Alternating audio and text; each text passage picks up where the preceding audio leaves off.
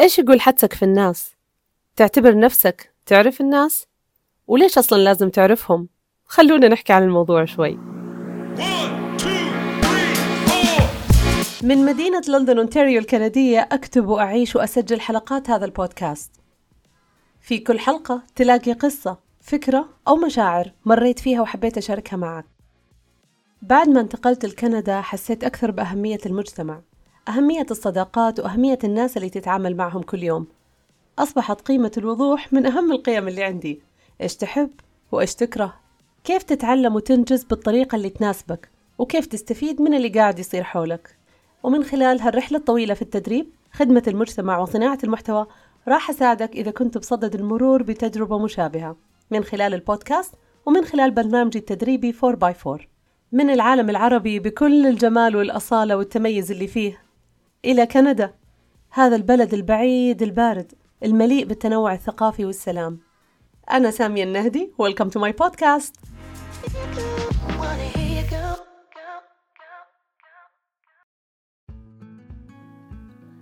أهلا أهلا أصدقائي كيفكم اليوم؟ رمضان كريم شهر مبارك يا رب وإن شاء الله ينعاد علينا جميعا وإحنا بخير وصحة وعافية. موضوع حلقة اليوم مميز. لما بديت أفكر فيه احترت في البداية أغطيه من أي جانب. أركز أكثر على موضوع الحدس في معرفة الناس أو عن الحدس نفسه كتعريف. معنى الحدس والأوجه اللي ممكن يظهر فيها الحدس عند كل شخص. أو الخطوات اللي المفروض الواحد يمر فيها علشان ما يكون ضحية حدسه اللي أحيانا ممكن ما يكون صحيح ويوديه لأماكن ما يبغى يروح لها.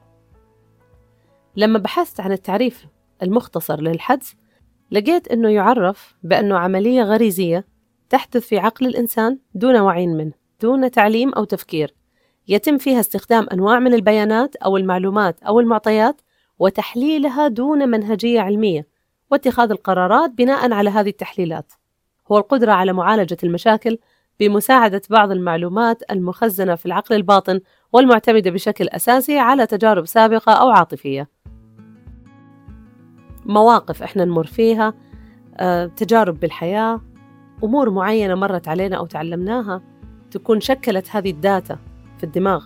وبعدين لما يصير موقف مشابه كأنك تعمل استرجاع لل data الموجودة عندك وبناء عليه تشعر بالحدس. يا أنك تكون مرتاح للشخص هذا أو للموقف أو للمكان يا أنك تكون كاش منه. ما أنت مبسوط. في شيء مو مريح.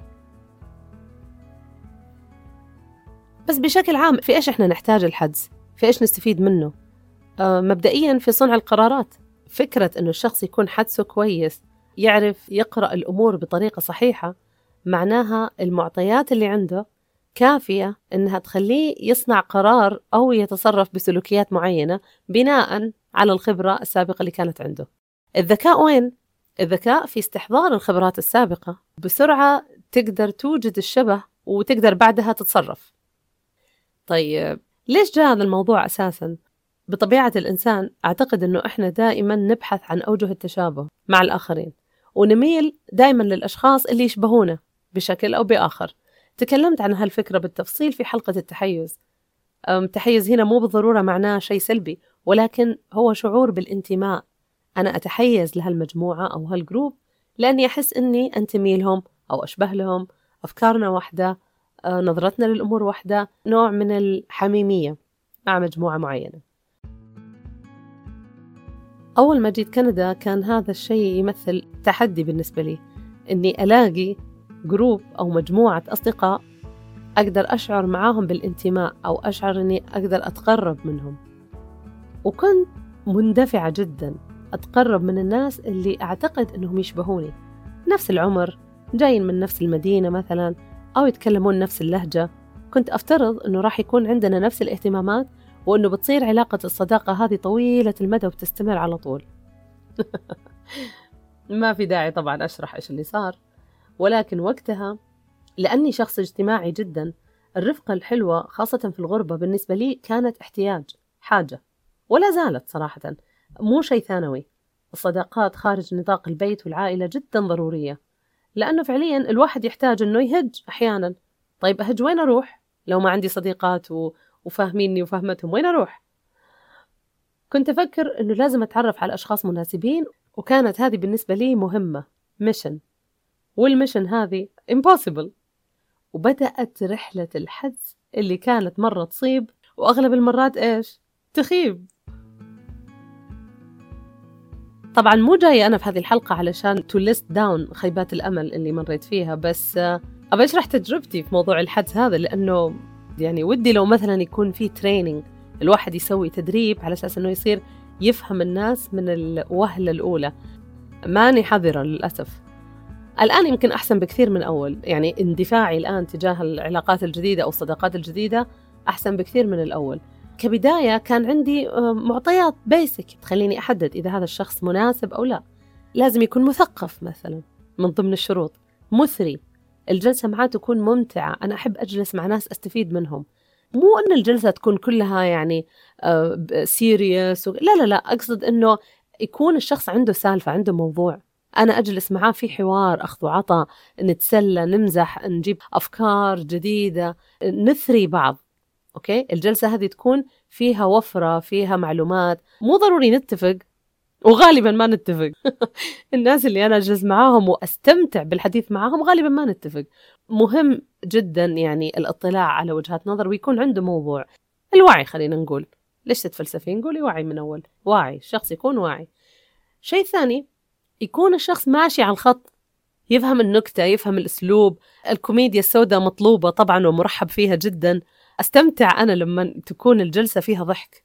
أحب الناس اللي تمزح أحب الناس اللي حتى في ظروفها الصعبة تهون على نفسها وتهون على اللي قدامها بالمزح.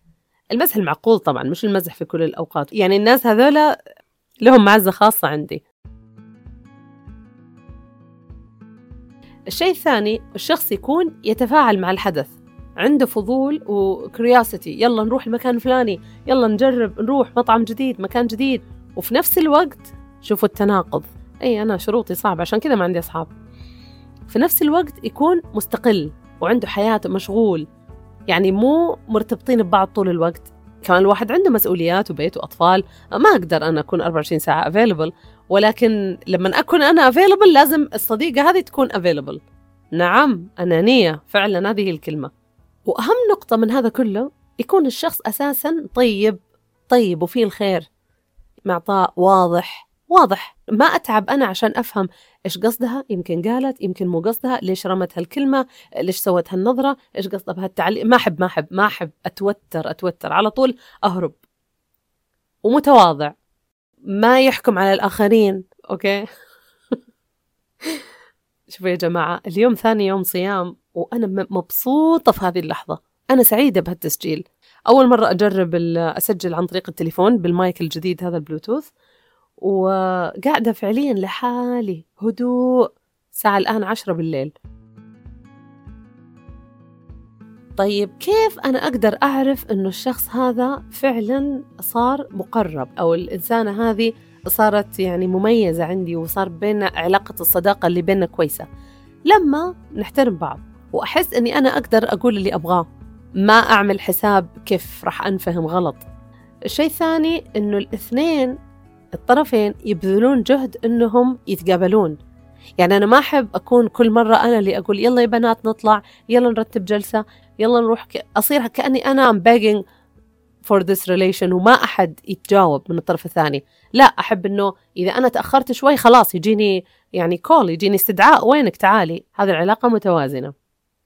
بعدين لما أرجع من عندهم أو لما أرجع من اللقاء هذا أكون مبسوطة طايرة في السماء.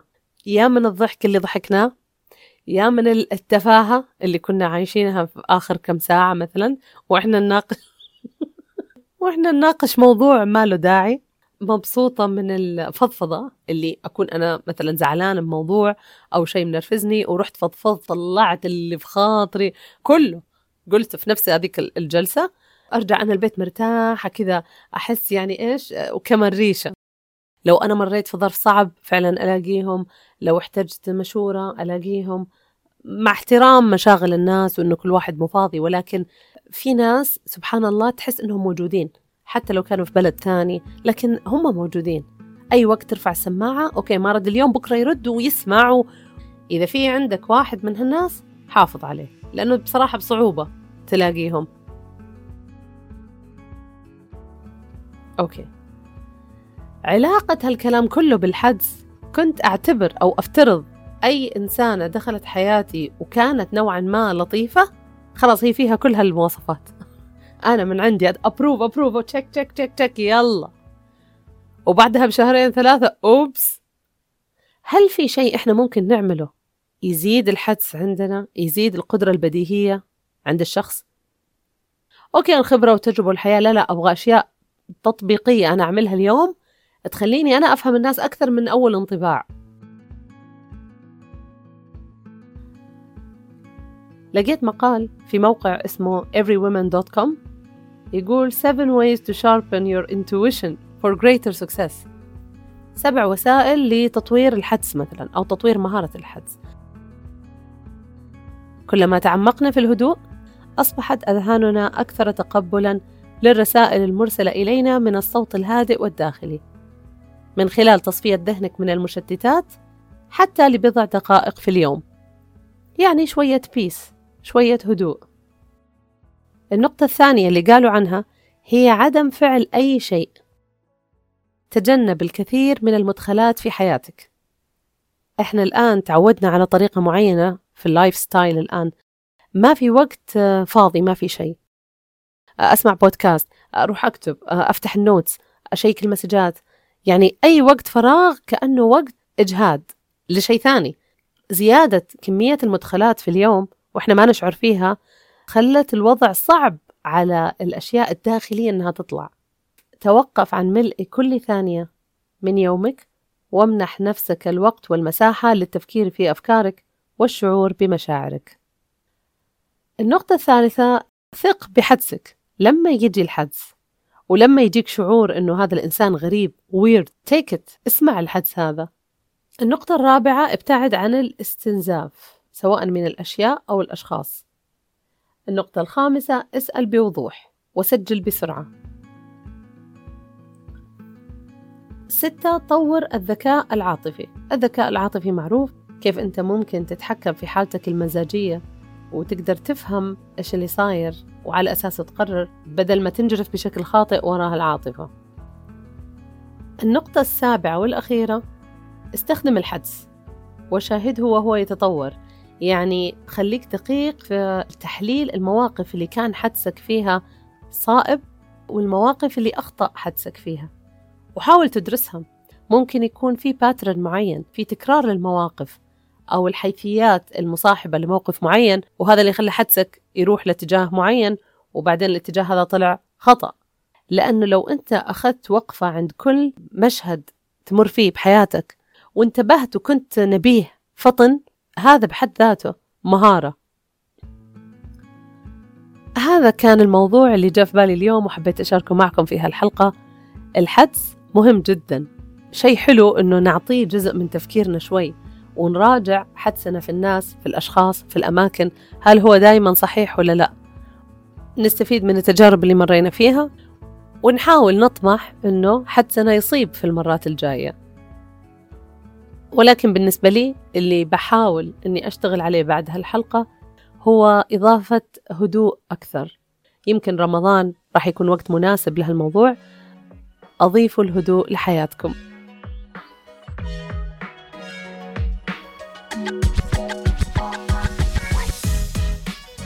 وبالنسبة للصداقات طويلة المدى good luck.